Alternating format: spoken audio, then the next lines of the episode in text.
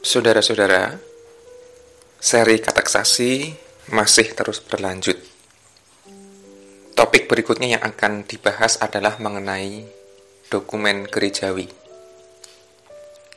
Dokumen memang ada berbagai macam bentuk, namun yang saya maksud dokumen gerejawi adalah dokumen-dokumen yang bentuknya adalah tulisan. Nah, mengapa disebut dokumen gerejawi? Karena dokumen-dokumen ini memiliki kewibawaan gerejawi. Karena pemberlakuannya disahkan dalam persidangan-persidangan gerejawi. Nah, dalam gereja ada berbagai dokumen gerejawi. Namun nanti fokus saya adalah pada gereja kita atau GKJ. Nah, di GKJ itu ada enam jenis dokumen gerejawi. Yang pertama adalah Alkitab. Semua gereja pasti mengakui Alkitab sebagai dokumen gerejawi yang punya kewibawaan yang paling tinggi dibanding dokumen-dokumen lain. Alkitab menjadi sumber inspirasi, menjadi panduan, menjadi tolok ukur dalam pengambilan keputusan, dalam manusia melangkah mengambil sikap dan kebijakannya. Termasuk gereja apakah keputusan dan langkahnya itu baik atau tidak, ukurannya yang paling utama adalah kitab suci itu. Yang kedua, ada yang namanya pokok-pokok ajaran GKJ.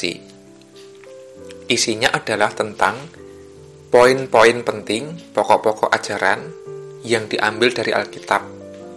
Ajaran ini kemudian dirumuskan sesuai dengan konteks GKJ kita perlu berbangga karena tidak semua gereja, tidak semua sinode itu sudah punya pokok-pokok ajaran. Nah, aja sudah punya, maka kita pantas berbangga. Yang ketiga, ada yang namanya tata gereja dan tata laksana, atau sering kali disebut tager talak, atau disingkat TGTL. Nah, TGTL GKJ ini berisi panduan bagi gereja untuk melakukan kegiatan pelayanan yang lebih operasional. Kalau dalam bahasa awam, ini semacam ADART yang berlaku pada sebuah lembaga, yayasan, atau organisasi itu. Bagaimana aturan main bergereja ditata di dalam tata gereja dan tata laksana. Nah, lalu ada dokumen berikutnya yang keempat, yaitu himpunan peraturan. Isinya adalah aturan-aturan yang lebih teknis tentang bagaimana hidup bergereja. Contoh yang paling gampang adalah peraturan kesejahteraan, baik vikaris, pendeta, pendeta emeritus, maupun karyawan gereja.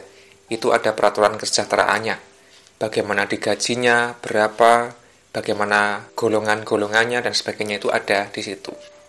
Selain peraturan tentang yayasan, peraturan tentang beasiswa, dan lain sebagainya itu ada banyak. Kalau peraturan ini sifatnya lebih mengikat. Dokumen yang kelima yaitu himpunan pedoman.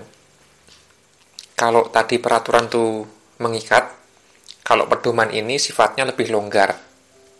Tidak wajib tapi katakanlah sunnah begitu ya.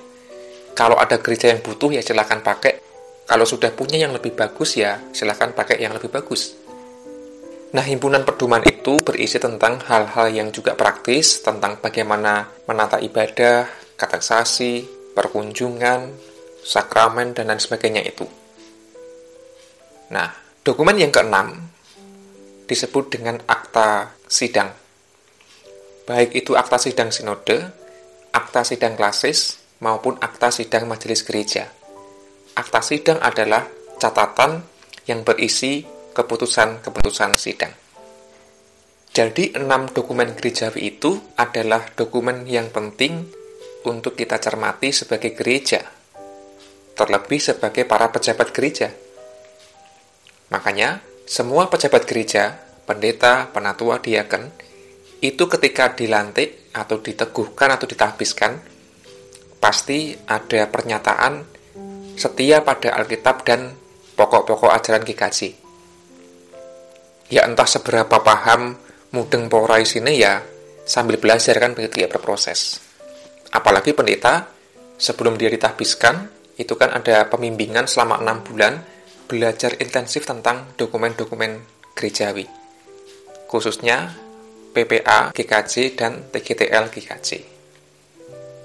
Nah, saudara-saudara, semua dokumen gerejawi tadi punya sejarah yang panjang. Alkitab jelas sejarahnya panjang, jelimet, mungkin butuh satu rubrik khusus tentang sejarah Alkitab, mungkin kapan-kapan bisa dibahas. PPA GKJ juga punya sejarah yang panjang, TGTL juga mengalami beberapa kali revisi, himpunan pedoman, himpunan peraturan, akta sidang pasti akan terus update sepanjang zaman. Nah, yang penting adalah bahwa semua dokumen tadi dimaksudkan ada untuk menjadi referensi atau bahan pertimbangan bagi gereja, baik secara lembagawi maupun secara persekutuan, dan bahkan kita semua sebagai individu dalam mengambil kebijakan, dalam menjalankan kehidupan. Apakah langkah kehidupan kita cukup bertanggung jawab atau tidak? Salah satunya diukur dari apakah itu sesuai dengan dokumen-dokumen gerejawi tadi. Apakah manut Alkitab apa enggak? Apakah sesuai dengan PPA GKJ, TGTL, GKJ atau tidak? Dan seterusnya dan seterusnya. Maka, meskipun dokumen gerejawi bukanlah satu-satunya ukuran, namun baik kalau kita mengenal supaya lebih mencintai kehidupan kita dalam bergereja, khususnya GKJ. Nah, berikutnya saya akan mencuplik beberapa tema yang penting, yang menarik, yang relevan, yang diambil dari dokumen-dokumen gerejawi tadi. Khususnya ya dokumen selain Alkitab, karena Alkitab kan sudah dibahas hampir tiap hari. Nah, semoga pembahasan-pembahasan ke depan menolong kita untuk semakin mengerti bagaimana kehidupan bergereja di GKJ. Matur nuwun, Gusti berkahi.